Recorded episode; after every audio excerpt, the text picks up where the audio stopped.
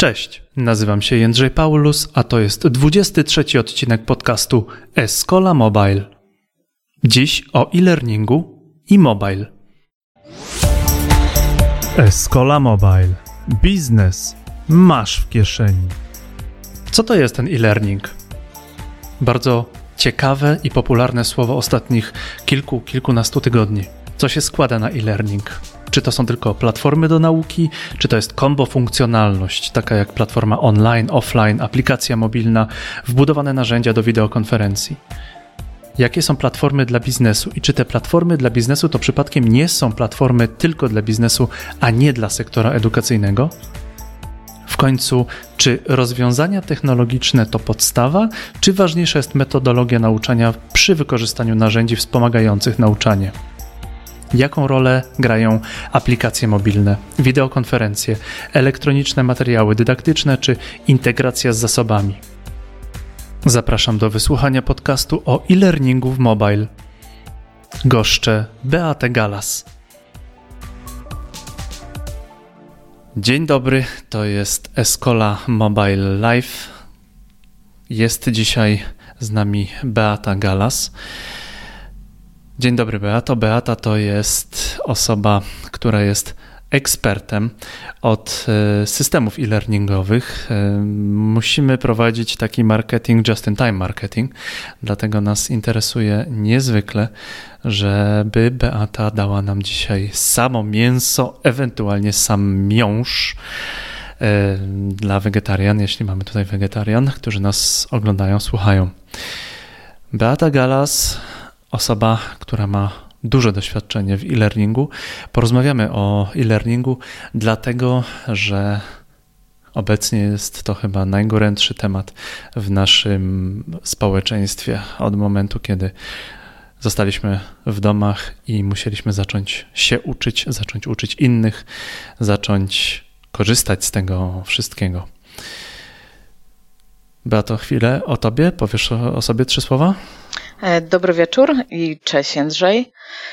E, tak naprawdę to swoją przygodę zaczynałam od, od, od zawsze z, w firmie technologicznej. Początkowo był to Microsoft, w którym e, Pracowałam w dziale serwisów. Razem wspólnie z moimi kolegami architektami tworzyliśmy duże projekty, które później z powodzeniem wdrażaliśmy u klientów enterprise i w public sektorze. E, troszeczkę współpracowałam również wtedy, e, w tamtym czasie z edukacją, z sektorem edukacyjnym, natomiast tak naprawdę troszeczkę to później e, się troszeczkę bardziej uaktywniło z tym sektorem.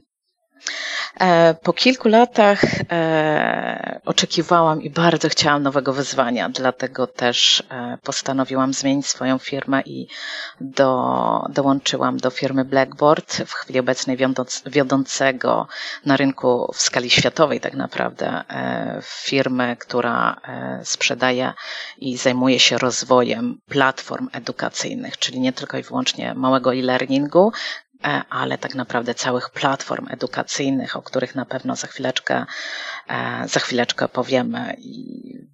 W związku z tym, że, e, że firma posiada bardzo profesjonalne rozwiązania, w międzyczasie pojawił się kryzys pod postacią koronawirusa, więc, więc bardzo czynnie staram się pomagać moim klientom którzy, którzy, którzy stanęli przed nie lada wyzwaniem i, i wspieram ich, pomagam, e, mówię, co będzie dla nich najlepsze w związku z jakim celem, jaki cel chcą osiągnąć i, i jakie, jakie inne czynniki mają duży wpływ na to.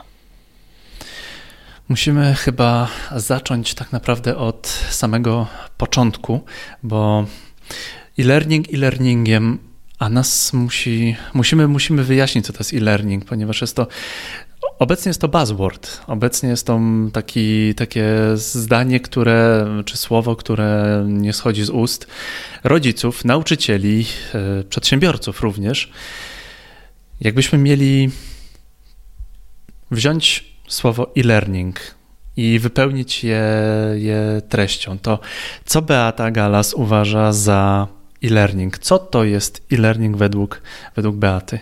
Najłatwiej można powiedzieć, że e-learning to jest cały proces i tu w zależności od sektora, w którym, e, w którym wdrażany jest e, taki learning lub korzysta się z tego e-learningu, to jest e, to proces, który ma służyć uczeniu i nauczaniu, bądź też rozwoju pracownika w danym przedsiębiorstwie. I to tak naprawdę za pod, pod tą postacią jest, są również wykorzystywane odpowiednie narzędzia technologiczne, e, które mają pomóc i dopomóc e, albo uczniom, albo, e, albo pracownikom danej firmy, by z dużym rezultatem i fajnymi efektami móc pozyskać daną wiedzę.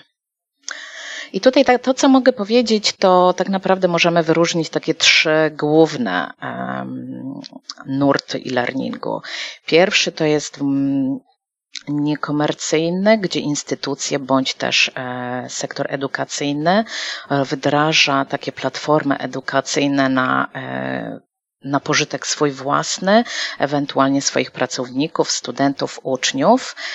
Drugą platformą jest już platforma komercyjna i tutaj przykładem bardzo dobrym jest Coursera, która udostępnia odpłatnie takie kursy e-learningowe e, osobom, które chcą dodatkowo uzyskać jakieś, e, jakieś doświadczenie, jakieś umiejętności i MOOCi, które są również popularne. E, u nas mniej więcej około Dwa lata temu w Polsce powstał pierwszy polski MOOC, który się nazywa Nawojka i tu są zazwyczaj otwarte kursy learningowe, bardzo często bezpłatne.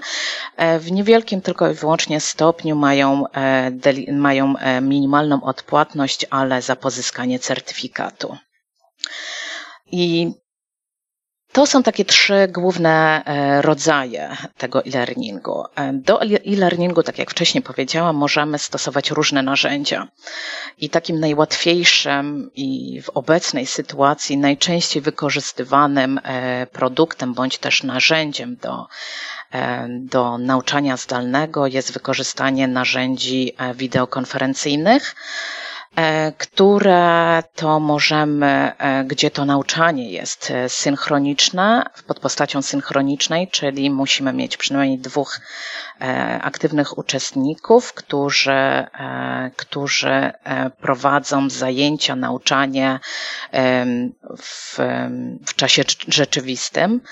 E, może tutaj być również e, wykorzystanie tak zwane asynchroniczne, kiedy, kiedy prowadzone jest takie szkolenie bądź też nauczanie i jest ono nagrywane, a dopiero w późniejszym czasie jest ono udostępniane pod postacią albo linku, albo albo danego pliku dla konkretnej e, grupy osób, bądź też są one również udostępniane na e, już takich bardziej rozbudowanych platformach e, szkoleniowo-edukacyjnych, do których, do których mają dostęp konkretne osoby, które, które, które wykonują takie, takie szkolenia.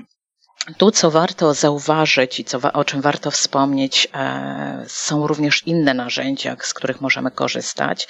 I w naszej obecnej sytuacji, niestety, sytuacji pandemii, kiedy, e, kiedy większość z nas jest zamknięta w, w naszych domach, prowadzone są, e, musi, musimy tak naprawdę kontynuować albo naszą pracę zdalną, albo kontynuować naszą naukę. I mm, dwie, i tak naprawdę dużo firm e, technologicznych, ale e, dwie największe firmy technologiczne, e, na przykład firma Google i firma Microsoft, udostępniły swoje narzędzia, które mają ułatwić korzystanie i naukę za pośrednictwem wykorzystania tych, tych narzędzi. Tutaj są kalendarze, tu jest poczta, tu, są, tu jest dysk zewnętrzny, na którym możemy osadzać nasze materiały dydaktyczne. Tutaj są e, różnorodne dokumenty, na których wspólnie w zespole możemy, e, możemy z, nich, z nich korzystać. I oczywiście również wśród tych narzędzi jest narzędzie do wideokonferencji. I tak jak powiedziałam, jeżeli chodzi o Google, to jest, to jest Google Meet, albo, e, albo Teamsy. te narzędzia przez te, przez, te, przez te dwie firmy są udostępniane głównie e, sektorowi edukacyjnymi, aby mógł on e, korzystać i, i dalej, dalej prowadzić system edukacyjny.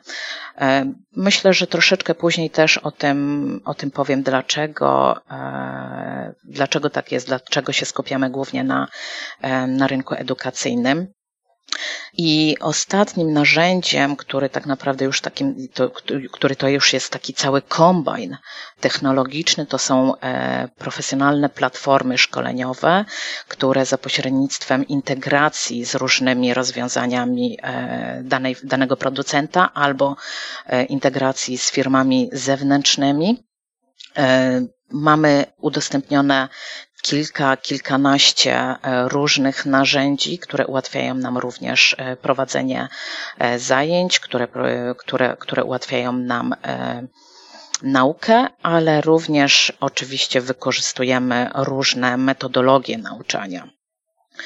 I przykładem takiej, takiej, takich kombajnów całych to może być chociażby Cornerstone i sektor korporacyjny, który to jest, który to wykorzystuje głównie system e, HR-owy.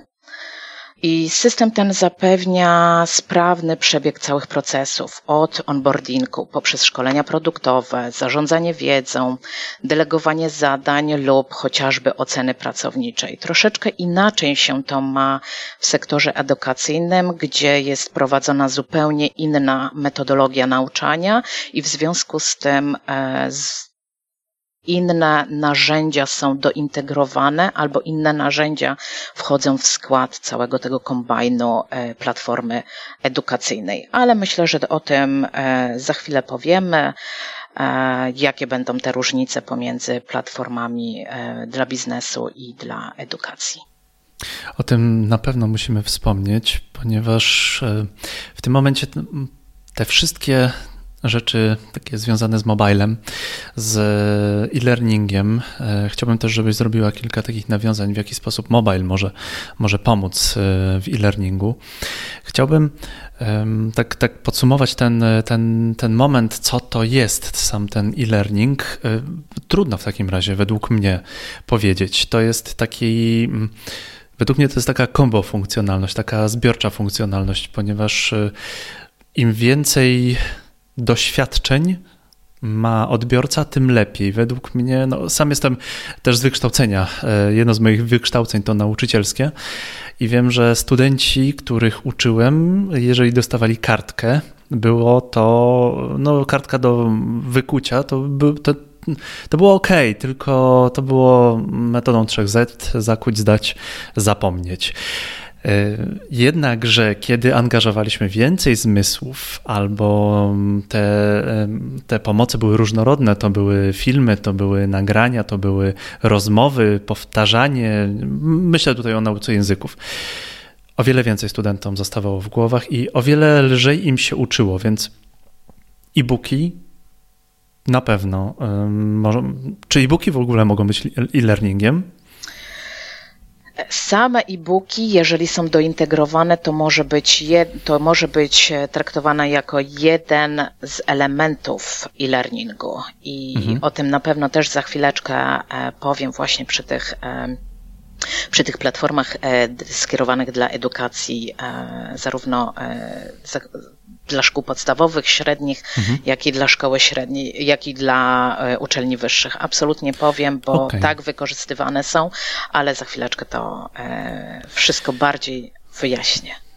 No to czy to jest pomoc ogólnie e-learning jest teraz złotym środkiem, rozwiązaniem całego kryzysu, kiedy nasze pociechy siedzą w domach, my jako nauczyciele też siedzimy w domach, musimy, musimy każdy robić swoją, swoją pracę. Uczniowie się uczą, nauczyciele uczą. Czy to jest pomoc w kryzysie?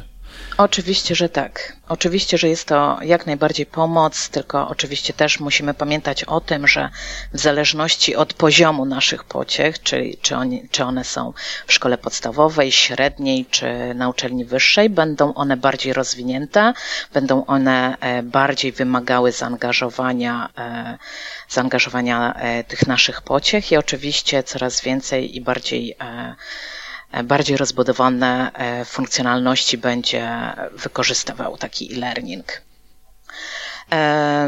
Tak jak poczynając może od, e, od szkoły podstawowej, średniej,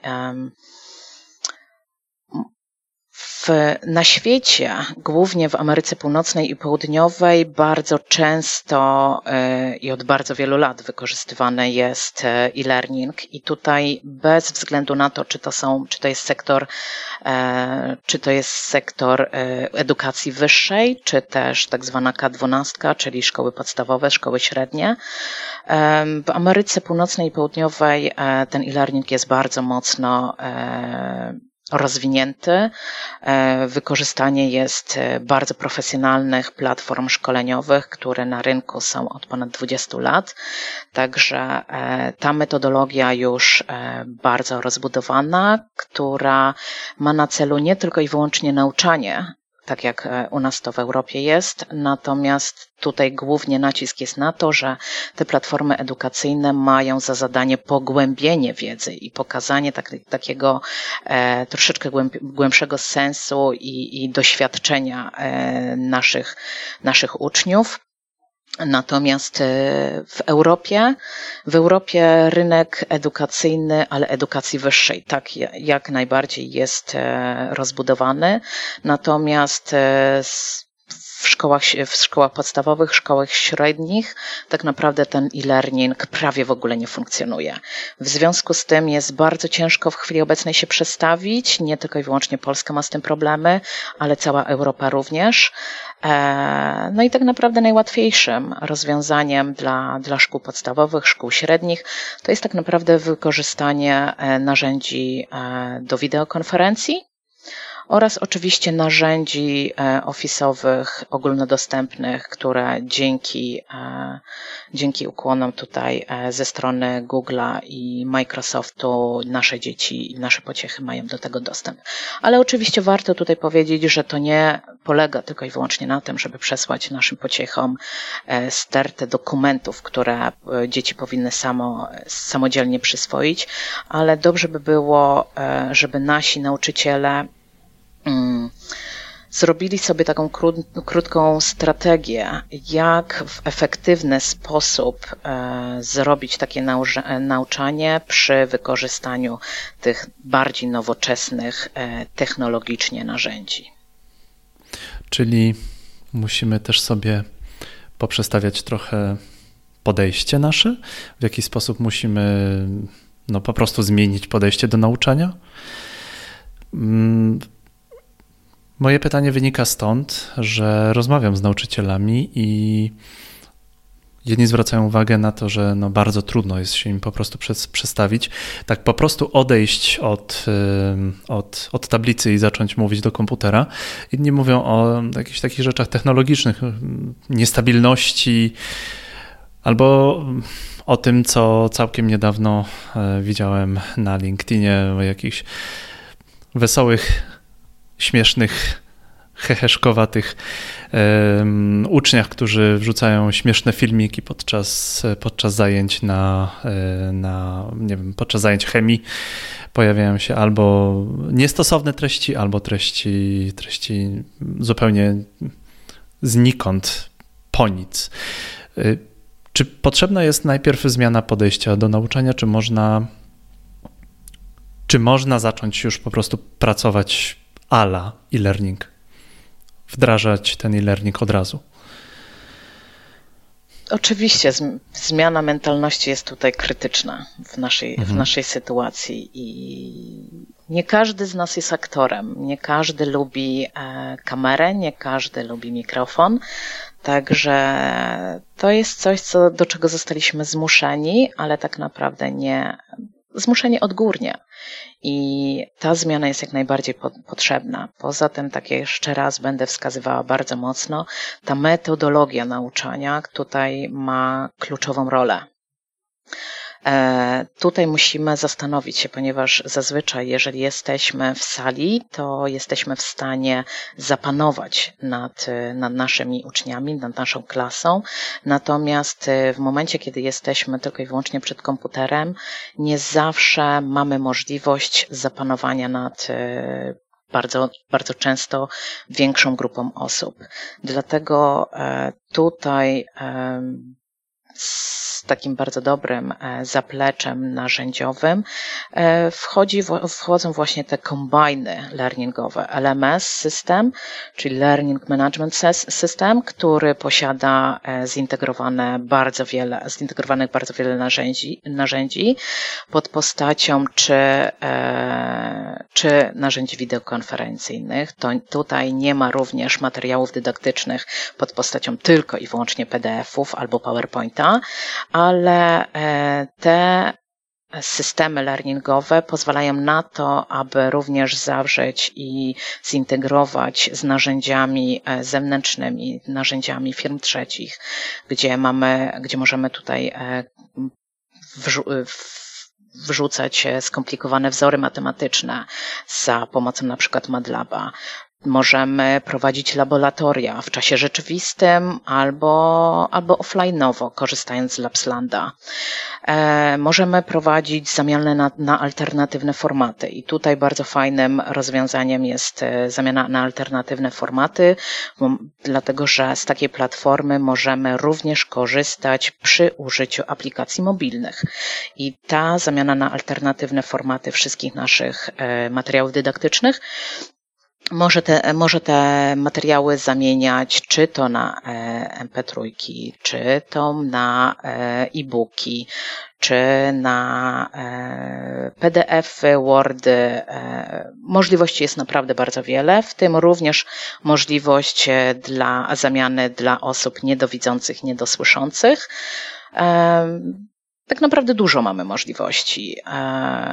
Tutaj są również e, zawarte oczywiście testy, egzaminy, e, gdzie w tych testach jest, e, są pytania wielokrotnego e, wyboru. Tutaj jest e, dopełnianie brakujących wyrazów. Tutaj są grafy różnego typu. Są pytania otwarte, czyli możliwość przesyłania wypracowań i dzięki integracji z narzędziami antyplagiatowymi mamy możliwość, nauczyciel ma możliwość sprawdzenia, czy dany czy dana praca jest, e, jest wytworem e, ucznia, czy też jest plagiatem z, zaczerpniętym z internetu, bądź też z jakiejś książki, albo, in, albo na przykład pracy, która już uprzednio została przekazana do nauczyciela, bądź też na uczelni. Analityka. Takie mam teraz pytanie. Mhm. Oczywiście. Czy nasz live, czy nasza rozmowa może spełniać jakieś funkcje e-learningowe teraz? Oczywiście, że tak. Jeżeli w chwili obecnej nagrywamy te, te sesje i one mhm. również za pomocą e, takiej platformy szkoleniowej mogą być ustępniane jako e, wstęp na przykład do całego e, materiału dotyczącego e-learningu. Czyli to tak naprawdę jest uzupełnienie materiałów dydaktycznych o dodatkowe, e, dodatkowe funkcjonalności. Także jak najbardziej tak. Mhm, mhm. Kontynuuj proszę, mówiłaś o y, analityce. Analityce, tak. Analityka tutaj gra również bardzo kluczową rolę w platformach szkoleniowych i to zarówno e, w platformach szkoleniowych skierowanych dla biznesu, jak i dla e, sektora edukacyjnego. Dla sektora edukacyjnego i biznesu głównie dlatego, że e, mamy podgląd uczestnictwa, częstotliwości uczestnictwa w takich szkoleniach e-learningowych. Najczęściej bardziej o której godzinie i ile czasu poświęca taki uczeń bądź pracownik na, na danym szkoleniu i oczywiście jakie są efekty prowadzenia takiej, a nie innej systematyczności nauki przez, przez naszych pracowników bądź też studentów. To, o czym warto tutaj wspomnieć, to te profesjonalne platformy szkoleniowe mają również tak zwaną analitykę predykcyjną, czyli jest tutaj mowa o tym, że one mają niejako wskazać, w którym kierunku idzie nasz e, student, jak jego nauka ewaluuje i w przyszłości, w którym kierunku, do, do czego to może prowadzić, jaki może być tego efekt końcowy. I w, w, odpowiednim czasie, oczywiście, jeżeli chodzi o e, nauczyciele, wykładowcę, bądź też e, management nasz może odpowiednio zareagować i wdrożyć dodatkowe, dodatkowe materiały, e, czy też e, prewencję jakąś z ich strony. Chciałbym zwrócić uwagę, to jeszcze jest rzecz, którą omawialiśmy przed naszym nagraniem. Ty rozróżniasz platformy, rozróżniasz platformy e-learningowe, zarówno dla szkół, dla samej edukacji, jak i dla biznesu. I rozróżniasz je dosyć mocno. Mówisz, że jedno nie znaczy drugie. A jakbyś tak wziąć podstawę, albo nie wiem, wspólny mianownik, no to chodzi o to, żeby przekazać informacje za pomocą komputera. No to w czym jest różnica między platformami dla biznesu i edukacji według, według Beaty Galas?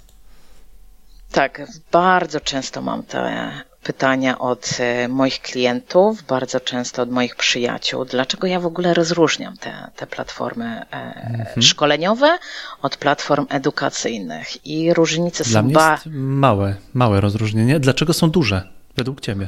Są duże, dlatego że tutaj w zależności absolutnie zawsze metodologia e, nauczania bądź też szkoleń jest zupełnie inna absolutnie inna i w związku z tym do tych dwóch platform są wykorzystywane zupełnie inne narzędzia, które mają być wykorzystywane do tego nauczania e, online'owego. E, jeżeli chodzi o e, sektor korporacyjny, są to, są to systemy, które bardzo często tworzą taki kombine systemu HR-owego, gdzie mamy, e, gdzie pracownik, e, zadaniem pracownika i zadaniem tej platformy jest e, to, żeby poprowadzić go od momentu onboardingu, poprzez szkolenia produktowe, poprzez zarządzanie jego wiedzą, delegowanie jemu zadań i kończąc nawet na ocenach rocznych pracownika. Także one będą Także te platformy będą integrowane z systemem HR-owym, bardzo często z systemem CRM-owym również. I oczywiście inne nazewnictwo będzie. Jeżeli chodzi jeszcze o e, materiały dydaktyczne, materiały szkoleniowe, one będą też troszeczkę inaczej wyglądały. Bardzo często w w korporacjach wykorzystywane są małe pigułki, e, krótkie gry, zabawy, e, bardzo często takie bardzo rozbudowane e, animacje, w szczególności jedna mi bardzo ciekawa utkwiła w pamięci, kiedy to koleżanka jednej z firm kontentowych pokazywała mi Gwiezdne Wojny. To było ten, ten, ten cały kontent e, cyfrowy był zrobiony pod postacią na, na przykładzie właśnie e, Gwiezdnych Wojen i, i pracownik e, osiągając i dojeżdżając do, do odpowiednich planet osiągał kolejny poziom rozwoju w, sw w swojej firmie. I tutaj to, co warto powiedzieć, to chciałabym powiedzieć, że w Polsce mamy dwie bardzo fajne firmy tworzące taki, takie cyfrowe cyfrowe, cyfrowe materiały. Jest to iPro i Eneducatio, które współpracują z firmami nie tylko i wyłącznie tutaj naszymi rodzimymi w Polsce, ale bardzo czynnie współpracują również z firmami zagranicznymi, także bardzo, bardzo je polecam i, i lubię z nimi faktycznie współpracować. Natomiast jeżeli chodzi o edukację i sektor edukacyjny, te platformy się różnią bardzo znacznie, dlatego że tutaj integracja, e, integracja następuje z systemem dziekanatowym i e, system ten ma tworzyć jedną spójną całość z systemem LMS-owym, czyli, czyli od tworzenia. Nie musimy tworzyć e, grup, tylko one są e, zaciągane z systemu dziekanatowego. W momencie, kiedy uczeń e, zdaje samodzielnie pewne egzaminy, to również system ocen jest automatycznie zaciągany do, do systemu dziekanatowego. Dodatkowo również właśnie bardzo często w w sektorze edukacyjnym wykorzystywane są aplikacje mobilne, do, do nauki, gdzie mamy nie tylko i wyłącznie e, odwzorowanie, kiedy mamy, e, kiedy mamy szkolenie, kiedy mamy konferencje, kiedy mamy zajęcia, ale tutaj są wszystkie, wszystkie informacje, wszystkie materiały przerzucone tak zwane jeden do jeden z platformy szkoleniowej do aplikacji mobilnej. Także tak naprawdę student bądź też uczeń może zarówno onlineowo, jak i offlineowo przechodzić przez dane, e, dane szkolenia. E, ta analityka, przepraszam, o której mówiłam, to też jest analityka bardzo rozbudowana, też, e, też istnieje ta analityka predykcyjna, której nie ma w ogóle zazwyczaj w, w systemach dla biznesu. Tutaj jest integracja, uwaga, z firmami, z rozwiązaniami firm trzecich, czyli między innymi z egzaminowaniem online'owym, czyli obecnie jest bardzo mocno e, komentowany, dlatego że nie wiadomo, jak to będzie z, z uczniami szkół podstawowych, szkół średnich, czyli maturzystów, którzy zdają egzaminy.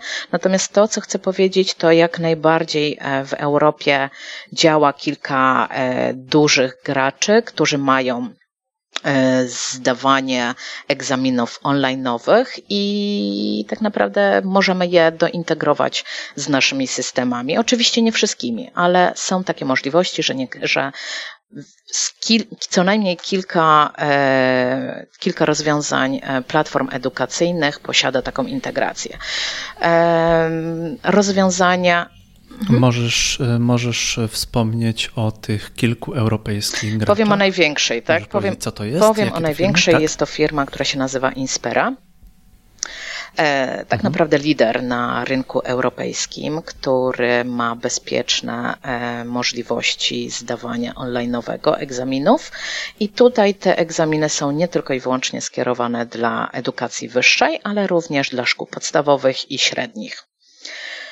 E, to, co jeszcze można zintegrować, to oczywiście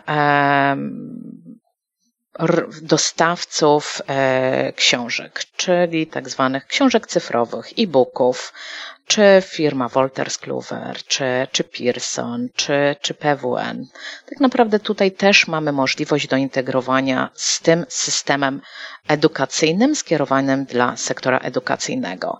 Trochę bez sensu byłoby, gdyby systemy e, dla biznesu również miały integrację z tego typu systemami. Dlatego mówię, dużo rzeczy, dużo funkcjonalności jest takich, które są, e, które są w platformach skierowanych dla edukacji, a których nie ma dla biznesu. Wiesz, mówiłaś teraz o edukacji.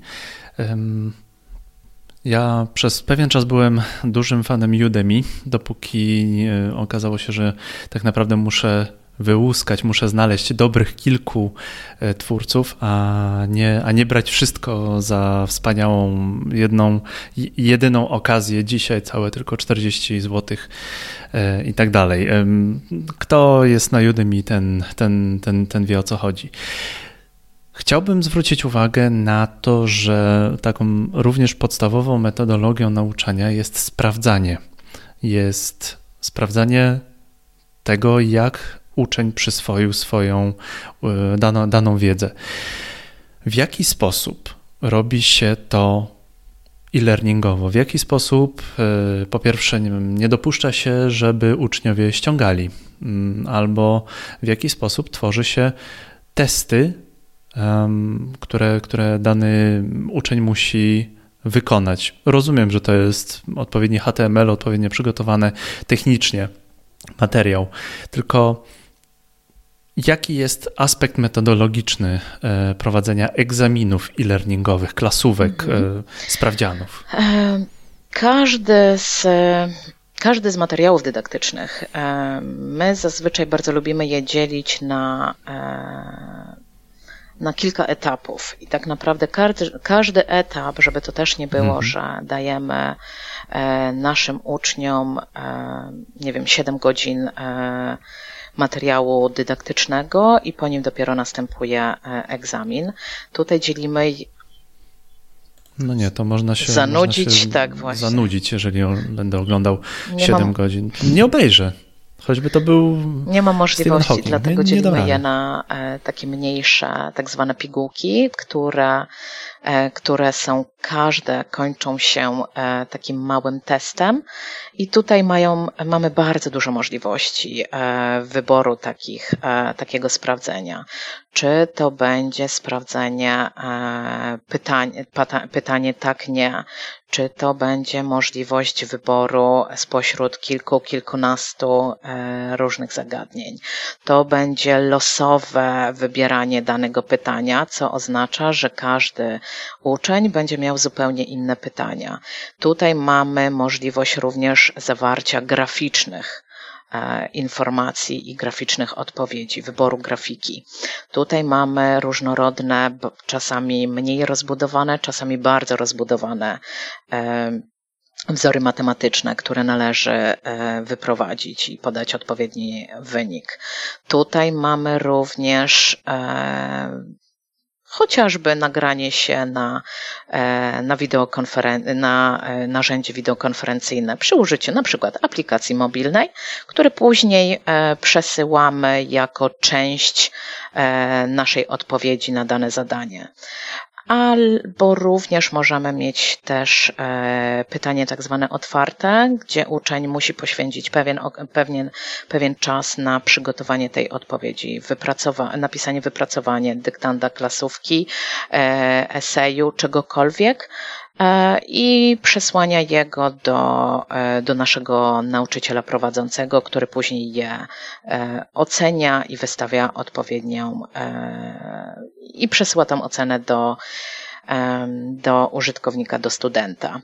Jeżeli chodzi natomiast o egzaminowanie online'owe, tutaj jest bardzo dużo rozwiązań, bardzo dużo jest różnych możliwości od blokowania e, wyskakujących dodatkowych lub otwierania dodatkowych okien, poprzez e, nawet kamerki, które, e, które patrzą, żeby po pierwsze po pierwsze, nie było nikogo obok, kto mógłby podpowiadać rozwiązanie e, uczniowi.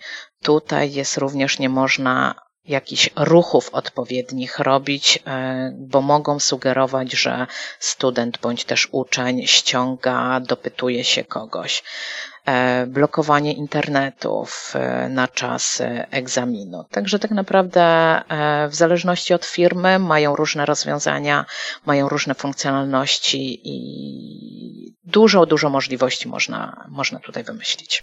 Cały czas kiedy opowiadasz, to ja staram się wymyślić, że staram się dojść do tego, że, że takie nauczanie musi być wielostronne, musi być wszechstronne, to, to nie może być e, typowy, nie wiem, pruski sposób e, nauczania odtąd dotąd. Uczymy się, drodzy studenci, strona 90 do 120, to o tym będziemy mówili na następnych ćwiczeniach.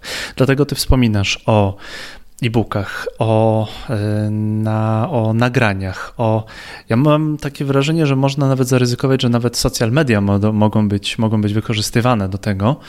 Wiem, że obecnie niektóre pani z matmy może zrobić zajęcia na Discordzie. Słyszałem nawet o takich śmiesznych, e, śmiesznych e, print screenach, że o matko babka z matmy wywołuje przez Messengera do odpowiedzi.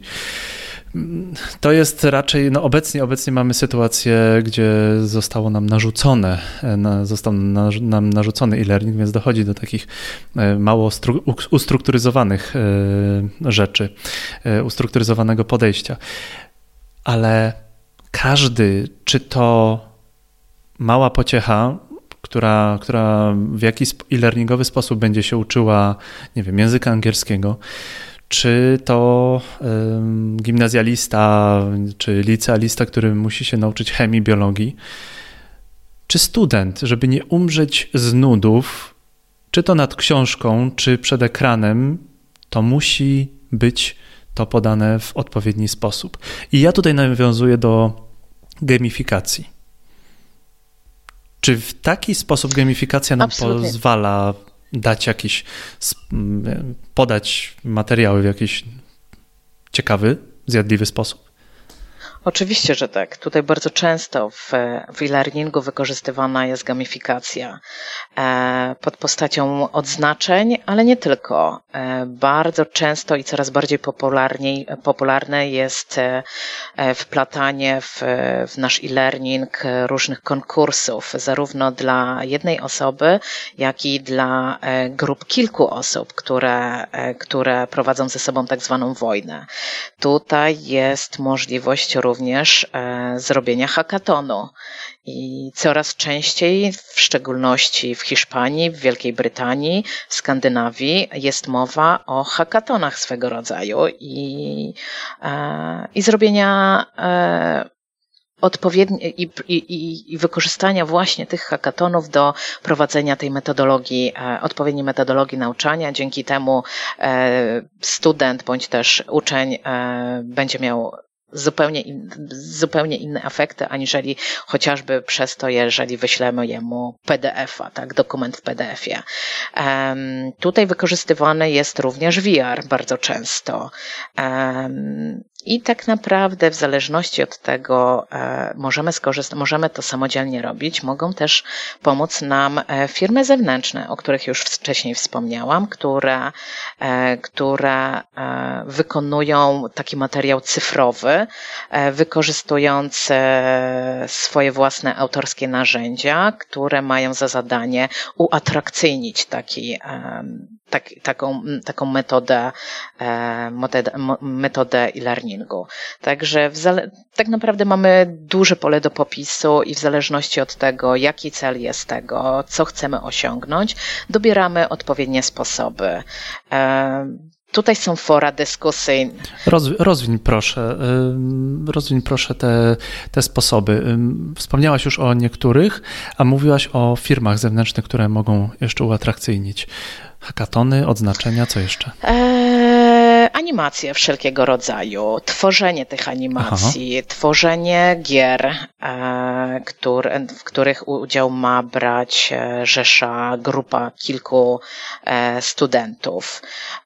Tutaj bardzo często również dodatkowo wykorzystywane, jest, wykorzystywane są też narzędzia do wideokonferencji i podział studentów na kilka grup. Oni wówczas pracują w takich podgrupach ze sobą, e, komponują e, odpowiedź na dane pytanie przez, przez wykładowcę, a później prezentują po kolei każdy z nich. Także tak naprawdę dużo naprawdę rozwiązań i możliwości dają nam takie platformy w chwili obecnej. I są to firmy, które już na rynku zarówno światowym, jak i polskim są od ponad 20 lat, które już specjalizują specjalizują się w prowadzeniu takiej metodologii. Troszeczkę się dziwię, dlatego że u nas jeszcze w Polsce nie ma e, szkoleń. E, natomiast myślę, że to jest ten czas, kiedy takie szkolenia za chwilę powstaną i będą z powodzeniem e, wdrażane wśród nauczycieli i wykładowców, dlatego że one mają za zadanie pokazać, jak w ciekawy sposób, jak przy użyciu różnorodnych narzędzi można uatrakcyjnić cały ten nasz materiał dydaktyczny i który ma spowodować, że e, nasz student, nasz uczeń będzie chętniej przystępował do e, pogłębiania wiedzy za pomocą e-learningu. Jeszcze raz podkreślę, w w Europie Zachodniej, w Skandynawii, w, w Stanach Zjednoczonych ten e-learning nie służy temu, żeby tylko i wyłącznie uczyć, tylko służy temu, żeby pogłębiać dodatkowo swoją wiedzę. I nasze ministerstwo, które od e, prawie trzech lat bardzo e, coraz częściej zwracało uwagę na, e, na e-learning. I mówiąc bardzo głośno o tym, że chcą, żeby nasza edukacja e, była wyżej w hierarchii na, e, na, była coraz bardziej na widoku, porównując do uczelni europejskich, będzie musiała zwrócić uwagę faktycznie na to, że LMS-y to to jest to narzędzie, które w bardzo dużym stopniu daje przewagę tych najlepszych uczelni światowych i coraz częściej są one wykorzystywane. Także, ale to w chwili obecnej to zaczyna się dziać, tak? I to, ta sytuacja, którą mamy teraz, obecnie, myślę, że jeszcze dodatkowo przyspieszy i zmieni postrzeganie tego e-learningu e, u nas w Polsce. To nasuwa się pytanie, wciąż będę drążył, że e-learning został, dostał ogromnego kopa teraz, ale dlatego, że zostaliśmy, zostaliśmy zmuszeni do, do przejścia na nauczanie zdalne. Czy według Ciebie, kiedy opadnie kurz, kiedy, kiedy wrócimy do szkół, to e-learning zostanie odłożony na półkę tak jak bardzo długo był na półce, czy, czy coś zostanie z tego e-learningu? Coś w jaki sposób będą wykorzystywane szerzej rozwiązania e-learningowe? Myślę, że będą wykorzystywane nadal. E, Czyna, czytam bardzo wiele komentarzy różnych wykładowców, różnych nauczycieli, którzy zaczynają dostrzegać to, że e, uczeń, który korzysta z narzędzi wideokonferencyjnych, e, ma coraz większe skupienie, bardziej się skupia na, na zajęciach, na, na tym, co mówi e, prowadzący, aniżeli będąc w sali. Coraz, myślę, lepsze efekty będą w momencie, kiedy, kiedy będziemy korzystać również z takich dodatkowych narzędzi, tych platform. Także myślę, że to zostanie na pewno w, e, w edukacji wyższej. Mhm Myślę, że zaczną też zwracać uwagę pomału e, szkoły podstawowe i średnie, że to może być bardzo dobre narzędzie do pogłębiania wiedzy naszych, naszych uczniów i przygotowywania ich do e, egzaminów. Mhm. Jakie można opowiedzieć jeszcze o, e, o typach rozwiązań? Co można jeszcze powiedzieć o, o typach rozwiązań e-learningowych? Załóżmy, że chcemy mówić o rozwiązaniach płatnych, bezpłatnych, o rozwiązaniach polskich, e, rozwiązaniach profesjonalnych, edukacyjnych. Co jeszcze możemy dopowiedzieć do, w, tym, w, w tym temacie? Zacznijmy od open source. Oczywiście. Jak wiemy, każdy tak naprawdę zwraca bardzo baczną uwagę na to, e, jakie rozwiązanie wdrożyć u siebie w swojej instytucji. Mhm. I tutaj tak naprawdę mamy cały wachlarz rozwiązań, dlatego że są to rozwiązania open source'owe, czyli bezpłatne rozwiązania, troszeczkę mniej e, mniej doposażone, ale tak naprawdę dające nam już podstawowe e, możliwości wykorzystania tego e-learningu. I tutaj takim bardzo, dobre, do, bardzo dobrym przykładem, e, który jest w użyciu jest Moodle albo OLAT. Są to dwa, e, dwa open source'owe rozwiązania, które dają nam możliwości e, pracy zdalnej, e, które dają nam w mniejszym bądź większym stopniu możliwości również jakieś podstawowe integracyjne z, z kilkoma systemami. I to w chwili obecnej się dzieje. U nas w Polsce w, istnieje kilka bardzo dobrych, bardzo bardzo doświadczonych ośrodków edukacyjnych, mhm. które z powodzeniem wykorzystuje te, e, te rozwiązania. Mają świetną kadrę, która, e, która jest bardzo doświadczona, która prowadzi i wykorzystuje, która dopasowała swoją metodologię prowadzenia takich zajęć do, e, do możliwości i tak naprawdę cały czas próbują dointegrowywać dodatkowe e, narzędzia, które pomogą im jeszcze bardziej uatrakcyjnić e, to rozwiązanie.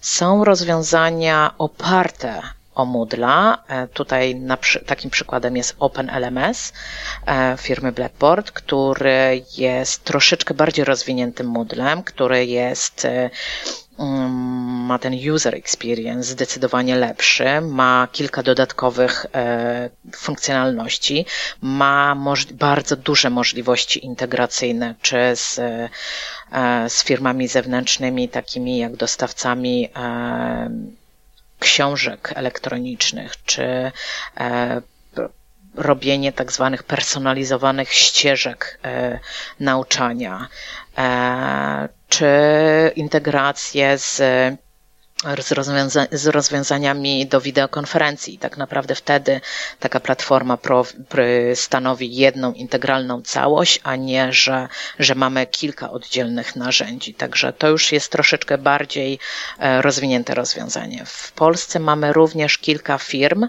Co prawda, myślę, że one są, e, dopiero się uczą na e, rynku edukacyjnym, dopiero zaczynają dostosowywać swoje rozwiązania do, do do tego rynku i, i, i myślę, że, że chwilę e, i, i będą coraz bardziej, e, coraz bardziej dostosowywane do, do rynku, e, do tego rynku, do, do tej formy nauczania, ale dla studenta. I tutaj mam na myśli czy Smart Education, czy Gromar, czy, czy ASECO, które takie rozwiązania ma. No i kończąc oczywiście na bardzo profesjonalnych rozwiązaniach edukacyjnych firm zagranicznych, które działają na rynku światowym od ponad 20 lat, które mają e, te kombajny e, narzędziowe, e, bardzo duże możliwości, e, bardzo duże możliwości integracyjne, bardzo duże możliwości chociażby kodowania również przez samego siebie, dostosowywania przepraszam, dostosowywania do swoich własnych potrzeb, e, możliwości również chociażby takie, że nie zawsze, w szczególności w Europie, nie zawsze każda z uczelni chce mieć swój własny system. Bardzo często zdarza się i coraz częściej e, zdarza się, że prowadzone są e, konsorcja kilku, kilkunastu uczelni zagranicznych, które chcą wdrożyć jeden system, E, mają lidera, który zarządza takim systemem learningowym, natomiast każdy z, każda z, ucz, z uczelni ma dostosowane do swoich własnych potrzeb tylko taką platformę, czyli jedna platforma, ale tak zwana hierarchia uprawnień i hierarchia e, swojego, swojego własnego narzędzia dla poszczególnych, e, dla poszczególnych uczelni i tutaj, e, tutaj jest to czy Blackboard, czy It's Learning, czy, czy Canvas. Także duży wachlarz rozwiązań od, e, od, od mniejszych poprzez te już bardzo duże, bardzo profesjonalne, ale zawsze, absolutnie, praktycznie zawsze one mają te aplikacje mobilne, które mają za zadanie e, wykorzystywać i wykonywać ćwiczenia, wykonywać egzaminy za pośrednictwem przy użyciu smartfona, a nie tylko i wyłącznie komputera stacjonarnego, laptopa czy też tabletu. Mhm. Czy musimy coś jeszcze dodać? Obecnie Powiedzieliśmy bardzo dużo. Czy coś na koniec musimy dodać? Ja mam jeszcze jedną myśl. Ja bardzo chciałabym wskazać i zawsze powtarzam to, że niezależnie od tego, e, jakie mamy narzędzia, niezależnie od tego, czy, czy mamy ich 10, e, 20 czy, czy tylko jedno, najważniejsze zawsze jest metodologia która jest dobrana e, przez każdego z nauczycieli, przez każdego e, z prowadzących do, e, do swoich wykładów, do swoich przedmiotów. To jest absolutnie clue całego programu i na to w szczególności powinniśmy zwrócić uwagę.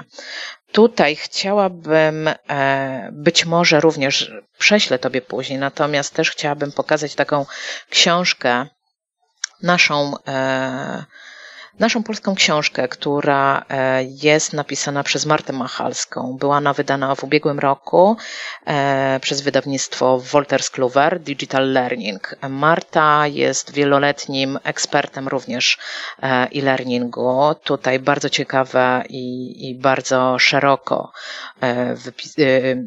komentuje, pokazuje różne przykłady, metodologie właśnie nauczania, metodologie wykorzystywania bezpośrednio co niektórych narzędzi. I dużo, dużo rzeczy takich jest, które, które mogą nam pomóc w tym, żeby dopasować e, do tego, co ja chciałabym robić, w jaki sposób się czuję najpewniej, żeby prowadzić takie, e, takie zajęcia i, i tą formę edukacji.